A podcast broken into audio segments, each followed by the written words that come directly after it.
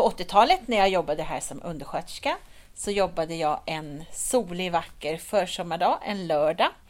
Och vi tyckte att det var jättetråkigt inomhus så vi ville öppna fönstret i fikarummet och få in lite sol och värme. Och det var jätteförbjudet för det kunde komma in djur eftersom vi var på markplan. Men vi öppnade fönstret i alla fall. Sen så sprang det in en liten skogsmus i fikarummet och fikarummet är jättestort med många bord och stolar. Och vi försökte fånga den där musen men det gick inte. Eh, och då kom vi på att vi kunde bygga en gång till musen. För det fanns en städskrubb utanför fikarummet. Så vi tog alla, rummen, alla borden i fikarummet och försökte göra en gång. Så gjorde vi en gång till eh, städskrubben. Och sen så skrämde vi musen så mycket vi kunde så att den sprang in i städskrubben. Och sen stängde vi dörren till städskrubben. Och sen fick den modigaste narkossköterskan ta en flaska med gas, för det var i glasflaskor på den tiden. Så slängde han in den i städskrubben så hårt han kunde så att den gick sönder och sen stängde vi dörren. Och efter en timme så öppnade vi dörren och då hade vi sövt ihjäl musen. Den var död. Och ingen chef fick veta någonting. Du lyssnar på Specialistpodden med Anita Amirpour och Ferhat Baysal.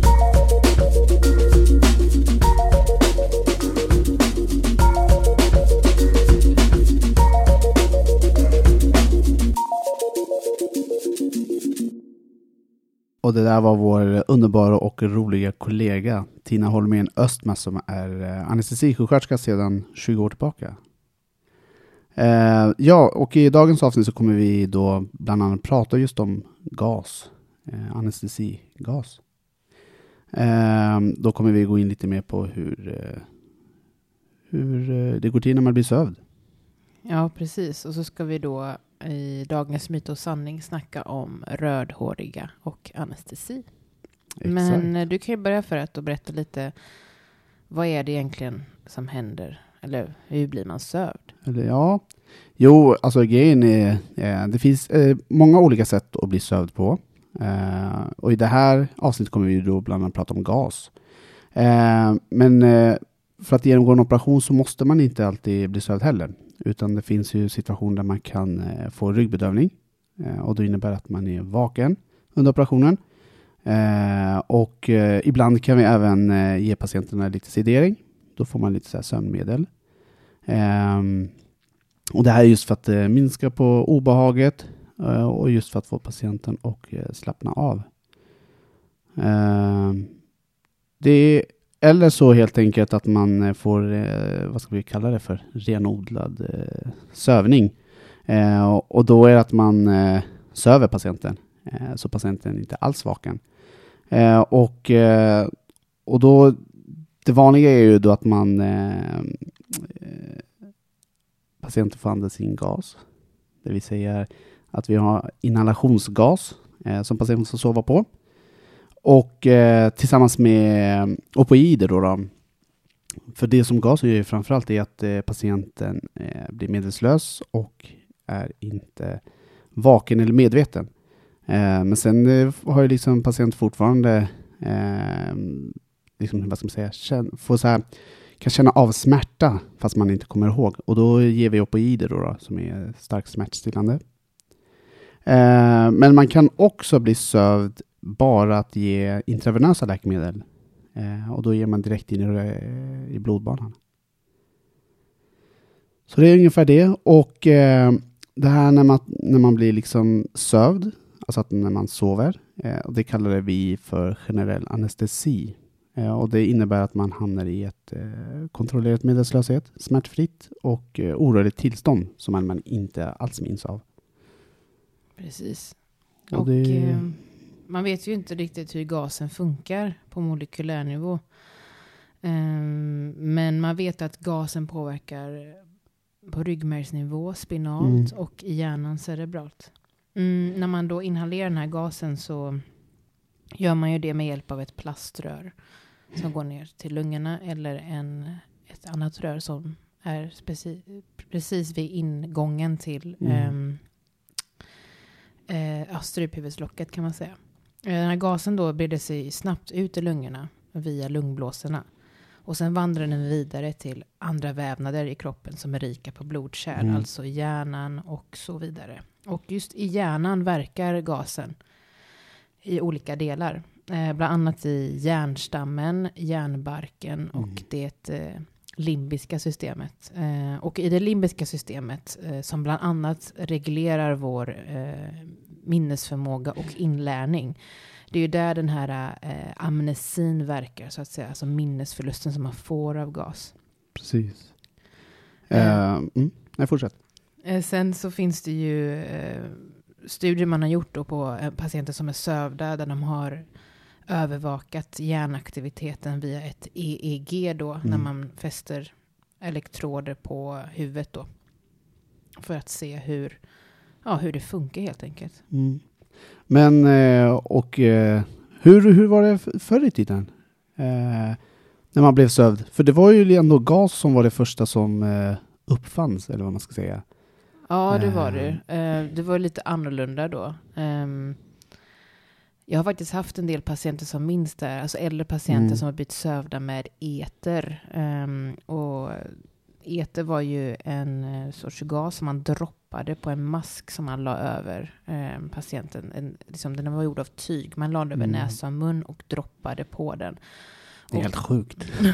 det är verkligen ja, lite obehagligt.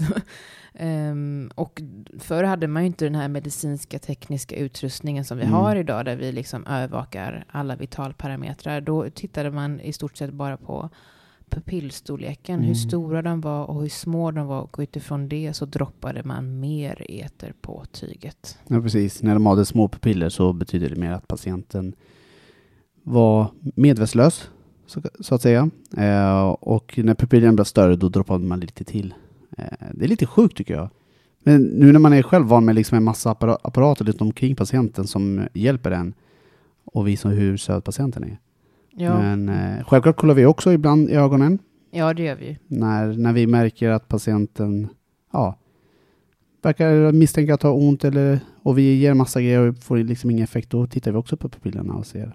Mm. Eller, eller oftast när man ska väcka patienten Ja, det också. och så ser man så här, oj, små pupiller, det här kommer ta en stund innan patienten vaknar. Ja. ja, man är ju tacksam att eh, tekniken har utvecklats. Mm. Ja, men faktiskt, så är det ju. Eh, så det var väl lite det om gas. Eh, och det är ganska, man använder det ganska vanligt på eh, framförallt långa operationer. Eh, och den, har, mm, den är ganska bra. Eh, ja, och eh, något som folk alltid undrar är vad gör vi anestesisköterskor på en operationssal? Alltså vad är vår uppgift? Det är många som tror att vi bara söver, sen lämnar vi operationssalen och så bara okej, nu är Fikar. patienten, ja, och nu är patienten sövd. Precis. Bye. Nej, riktigt så enkelt är det inte.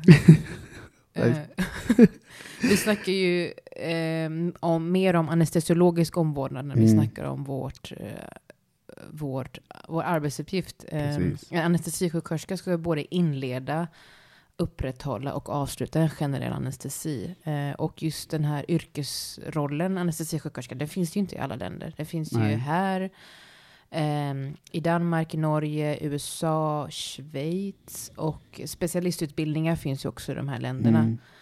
Ehm, och vi har ju läst lite artiklar kring det här, eh, just vad om, anestesiologisk omvårdnad innebär. För det, det, det är inte så ofta den eh, definieras i Det är inte så litteratur. lätt att förstå. Nej, det är så här, lite så här luddigt tycker många. Mm. Men vi har hittat eh, tre olika ehm, indelningar av det här som vi tänkte snacka om. Mm. Ehm, och vi ska också ha, för att du ska ju berätta om ett patientfall också som är relaterat till det här sen. Ja, Ehm, exakt. Men den första delen eh, handlar ju om, att, om kontakten som man har, patientkontakten. Eh, och det innebär ju helt enkelt den här, när vi har en dialog med patienten Mm. innan operation, när Precis. patienten är vaken. Eh, hur ska vi skapa ett förtroende och se den här människan som är bakom patienten, som Mm. är utanför den här eh, journalanteckningen. Ehm, då tänker jag ju, man, man vill känna av vilken stämning patienten är i. Är patienten orolig? Är hen rädd? eh, stressad Mm. eller är det någonting annat? Eh, vi är ju den trygga punkten för patienten Precis. och förklarar de procedurer som ska göras innan operation. Och då tänker man ju alltid på att man ska prata eh, lugnt och tydligt Mm. och ge ögonkontakt eh, och visa, alltså, både med den fysiska alltså, kontakten, att vi är Mm. där för den patienten. Ja, men precis. Man förklarar ju också hela tiden att patienter ska fråga frågor, för det är många gånger folk går in med en eh, oro, alltså liksom funderar mycket men inte vågar fråga. Eh, då brukar jag alltid säga liksom så här, ställ din fråga. Det finns inga dumma frågor. Eh, så det är Precis. viktigt det.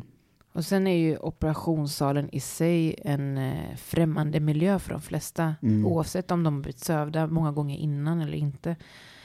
Det är mycket så här apparater som piper. Det kan vara väldigt mycket personal beroende Mm. på vilken typ av sjukhus man arbetar på. Ehm, eh, och just den här, det är just därför den här trygghetskänslan måste upp, alltså upprättas innan sövningen. Ehm, sen är det också så att eh, vi måste visa, alltså man visar respekt såklart och värnar om, om patientens integritet. För man klär ju av sig innan på operation eh, och så. Eh, och sen när patienten väl är sövd så förlorar man ju hela kontrollen över sin kropp. Och det är Mm. just det som många uppfattar som eh, obehagligt. Eh, man vill ha kontrollen kvar. Och eh, det blir ju helt Precis. enkelt som att vi blir som patientens advokater i den här situationen. Vi beskyddar patienten från det som kan skada. Eh, vi tänker på hur vi positionerar patienten för att förebygga tryckskador och Mm. nervskador. För patienten kan ju inte förmedla det när Nej, hen är sövd. Och eh, vi blir helt enkelt den personen som gör det patienten, patienten själv inte kan göra under sin operation. Och förmedla också det till resten av teamet på operation. För det är ju, eh, vi är ju, det är ju ett stort gäng. där Ja, men så är det. liksom. Det är teamarbete där inne. Eh, jo, självklart, precis. Det är otroligt viktigt. Och det här, men det här som du pratar om just med kontrollen. Eh, det är mång, alltså många patienter är just rädda och nervösa just för att förlora den här kontrollen de har över sin kropp. För, eh, och det är, jag tycker det är ganska vanligt. Eh, jag menar till exempel, jag träffade en patient eh, för inte så länge sedan.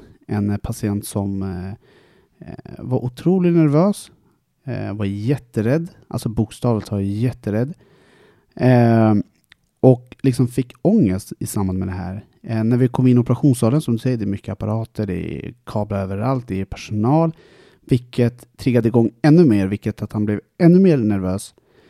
Eh, och då var det liksom, jag hämtar ju patienter från preop. pre-op, det är där patienter kommer till via avdelningen. Eh, sen går vi ut dit och presenterar oss. Eh, oftast är det eh, jag själv som går ut, eh, anestesisköterska då.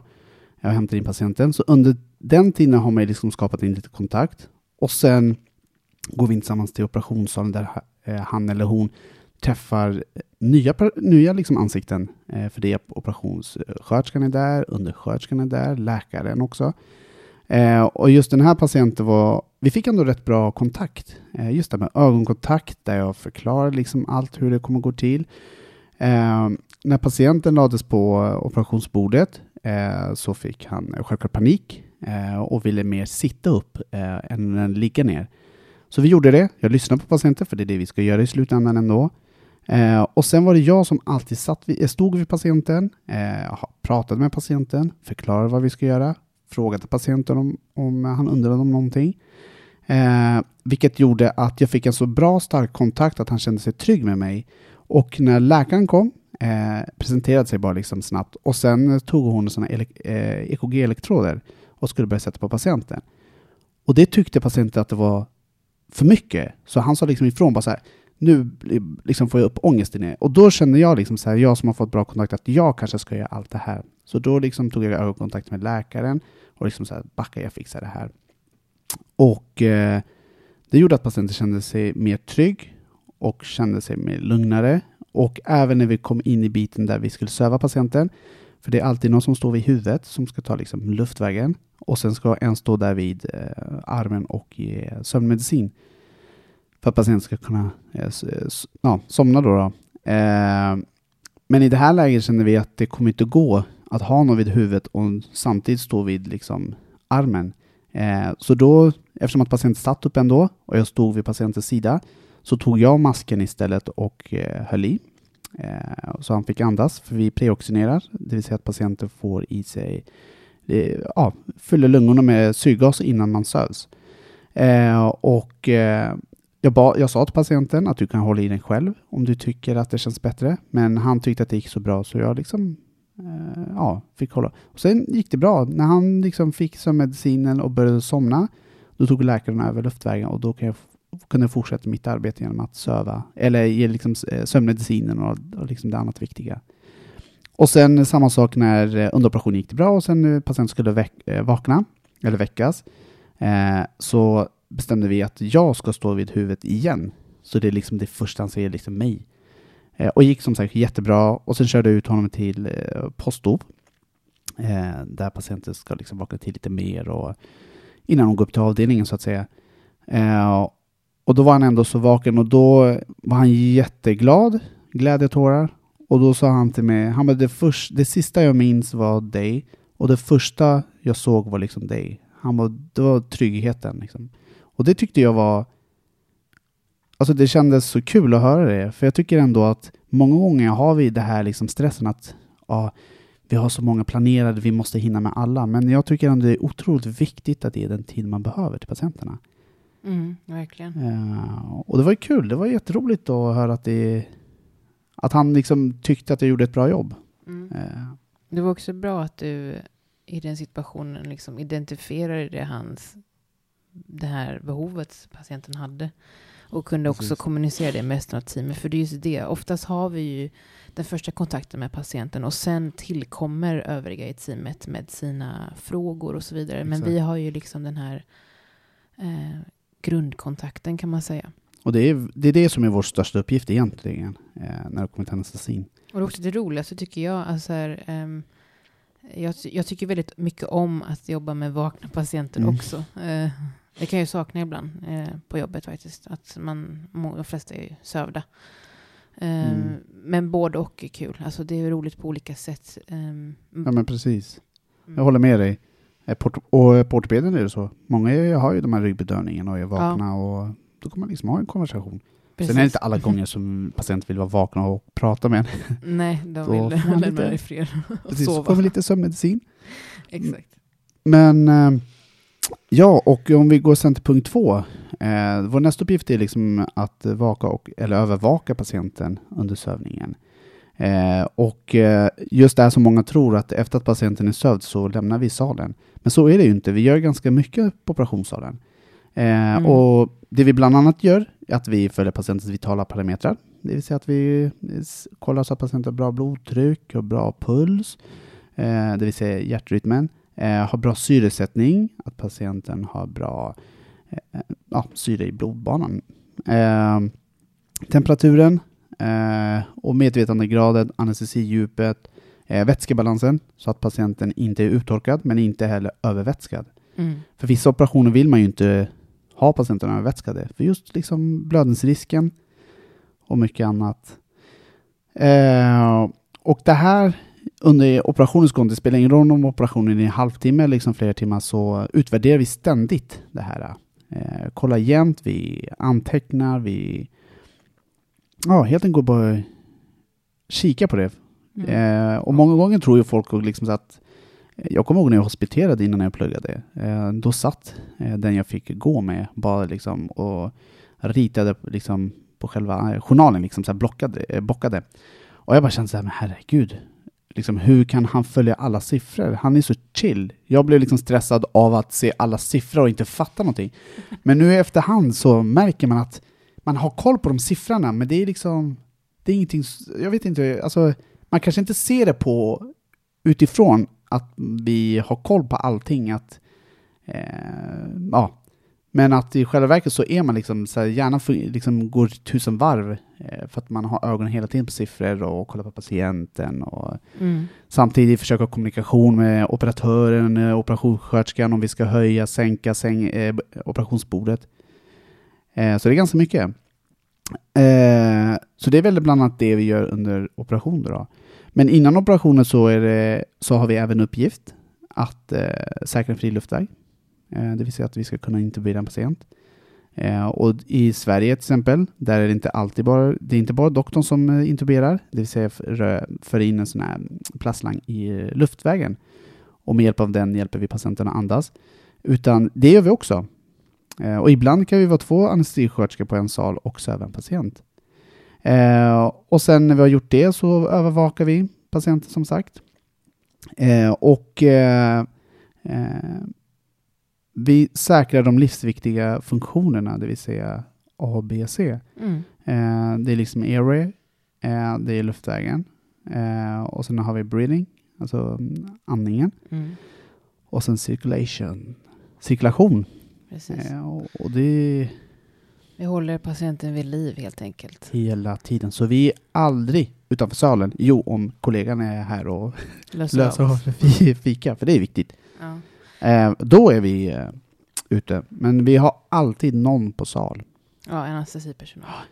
Sen är det ju väldigt mycket ett steg före i det här jobbet. Eh, Mm. Man tänker ju alltid det värsta och har alltid plan B och plan C. Precis. Eh, Man är liksom förberedd på om det här problemet uppstår, vad ska jag då göra? Mm. Det innebär alltså att innan man träffar patienten har man ju så självklart förberett alla läkemedel som krävs och behövs och kan tänkas behövas och att man kontrollerar den medicinska apparaturen. Det är ju ganska mycket Mm. apparater. Vi har liksom pumpar eh, av olika slag. Så har vi också såklart ventilatorn, eh, respiratorn då som den kallas. Mm. Ehm, och sen så är det ju så att man lägger ju märke till minsta förändring i patientens tillstånd. Till exempel nu steg pulsen med 30 slag. Hmm, vad kan det bero på? Mm. Eller nu tar patienten väldigt många andetag, alltså hyperventilerar.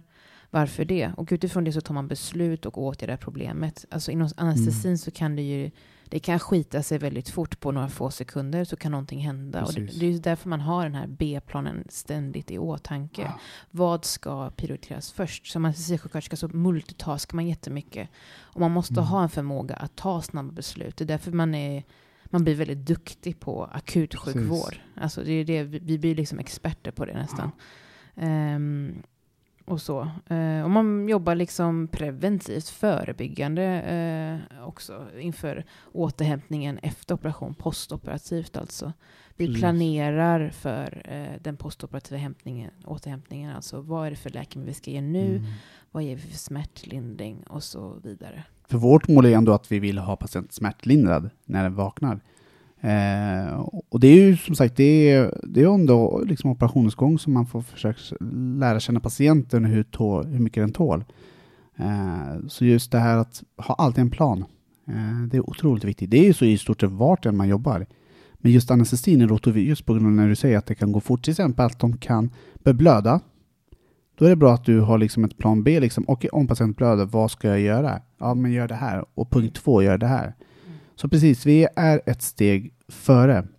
Och det är så med andra Mm. specialistinriktningar också. Intensivvårdssjuksköterskan tänker också likadant. Och också de på postop som arbetar där, där är det också Precis. specialistpersonal. Alltså de har ju också det här tänket.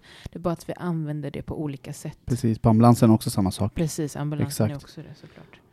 Så det är, ja, ni som jobbar inom akutsjukvård kan förstå nog hur vi, men det är, hur är det på avdelning? Jag har aldrig jobbat på en avdelning. Det är väl också något sånt liknande. Alltså Man har väl alltid någon plan? Alltså min erfarenhet, eh, nu var det liksom, det har varit på akutvårdsavdelningar. Det är det också, men man har samtidigt också väldigt mycket mer ansvar för fler patienter samtidigt. Det är det som också är Mm. eh, fördelen på anestesin. Eh, jag har en patient åt gången. Där har jag kanske 6, 8, 10, I och för 12 sig. patienter. Eh, och då är det så att om någon av de här patienterna mår sämre, Mm. eh, då, är, då är ju allt mitt fokus på den personen. Ja, Eh, man har ju inte möjlighet, alltså om två, tre patienter skulle bli försämrade i sitt tillstånd, ja men då blir det ju väldigt svårt. Liksom. Ja. Hur ska man hinna om man är ensam sjuksköterska då? Det är ju sant i och för sig. Det är ju så stressigt också, stackarn. Eh, men jag tänker att det är, det är också det som lockar, tror jag, att arbeta eh, med spec- Mm. ha specialisering. För då har man färre patientansvar, men också mycket, mycket mer ansvar än en allmänutbildad sjuksköterska. Det går liksom inte att jämföra. Faktiskt, Nej, tycker jag håller med dig. Det är ju ganska stort ansvar. Eh, och jag tycker ändå att det är otroligt stort ansvar just på anestesin. För där har man ändå patientens liv, vad ska man säga, patientens liv i dina händer. Det har man och för sig på ambulansen också. Mm. Men jag tycker så här, det här är ju, oavsett hur frisk man är så är det ändå ganska stort ansvar. Jag menar på ambulansen, eh, där kanske det inte alla gånger patienter är medvetslösa. Eh, där kan de liksom vara vakna och behöver bara en transport till eh, akuten eller geriatrisk eh, vårdavdelning. Eh, då är det liksom, jag hänger med, då är det inte lika stort ansvar på så, eller ungefär.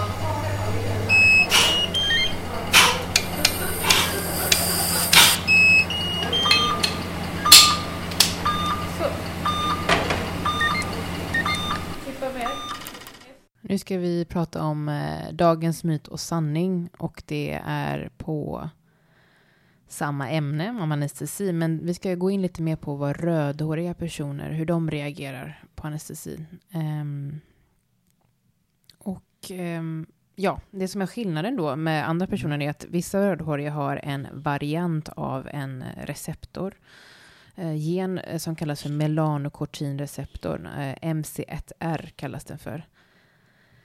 Det innebär att de blir mer känsliga för ehm, de kan bli mer känsliga för generell anestesi och smärtpåverkan. Och om man har en mutation på den här MC1R-genen så kan man ha eh, blek hud och rött hår då. Och en del vetenskapliga studier visar på att eh, kvinnor som har den här mutationen eh, kan reagera extra känsligt mot värme och kyla och en del kräver höga doser av anestesimedel än kvinnor med mörkt hår.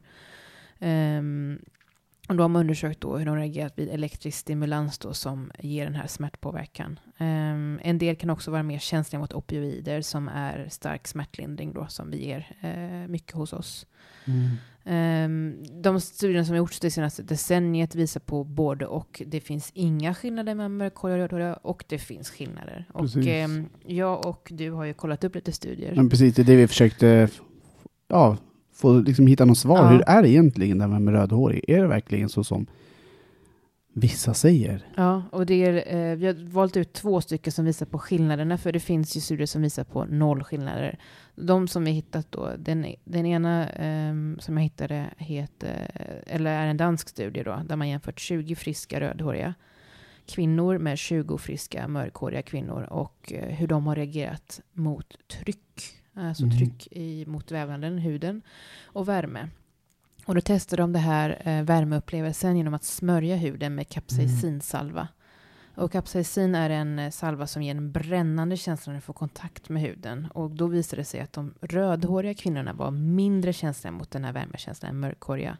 Och det Mhm. andra testet de gjorde i studien var att de kvinnorna fick trycka på en knapp som orsakade smärta i armen. Men då fanns det inga skillnader. Så det är så här, Aha. lite både och. Mm. Eh, hur var det med din studie? Du hade också kollat på Ja. kvinnor. Och jag hittade, ja precis, och det är när man tittar på majoriteten av artiklarna så handlar det mycket om kvinnor, jag vet inte varför.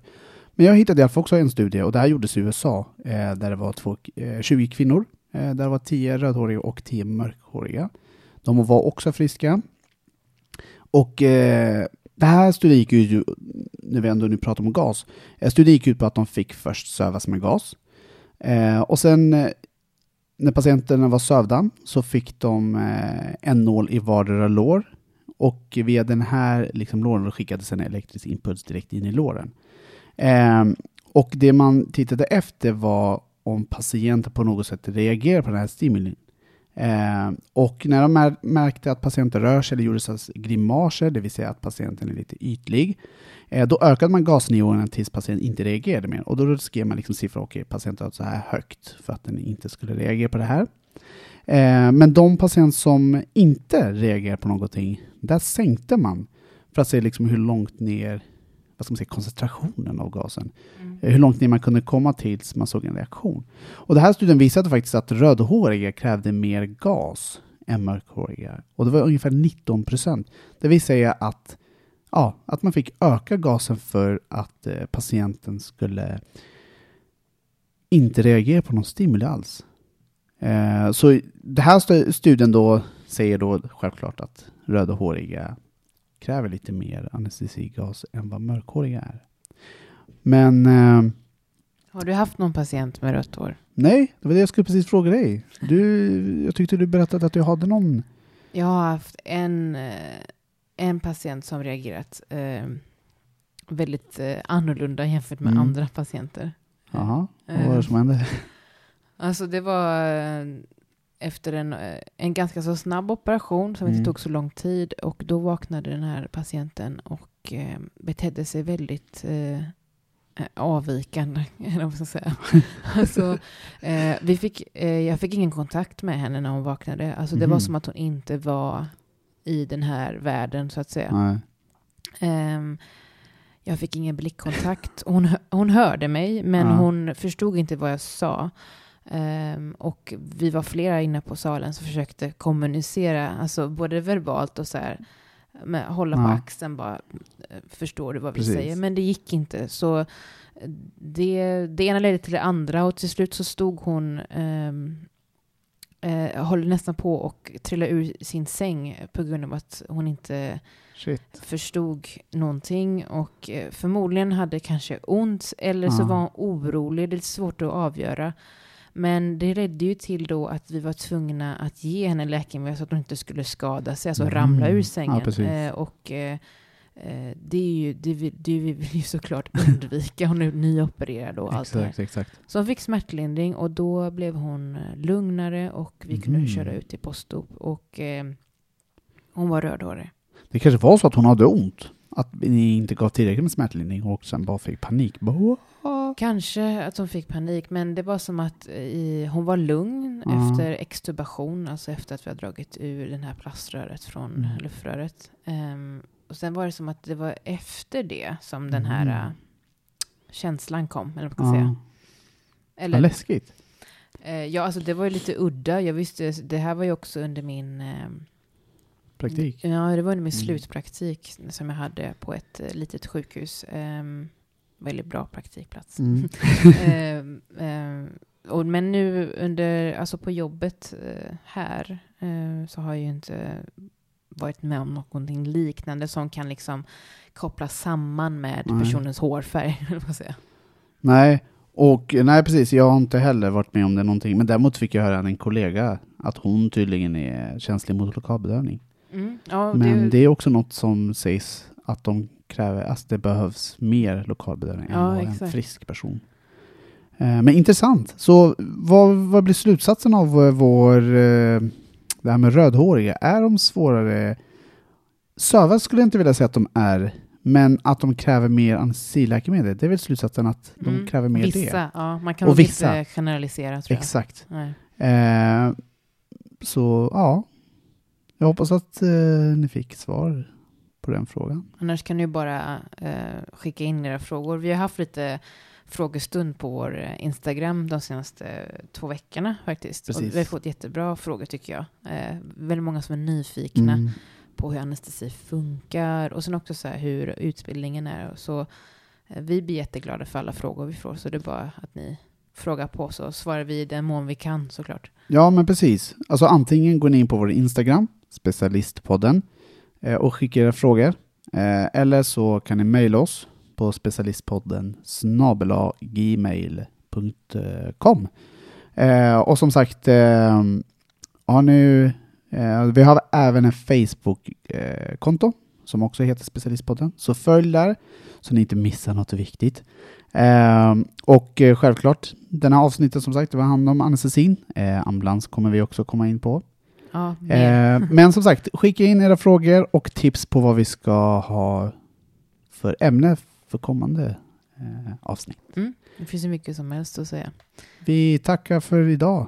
Ja, tack. Ciao! Ciao.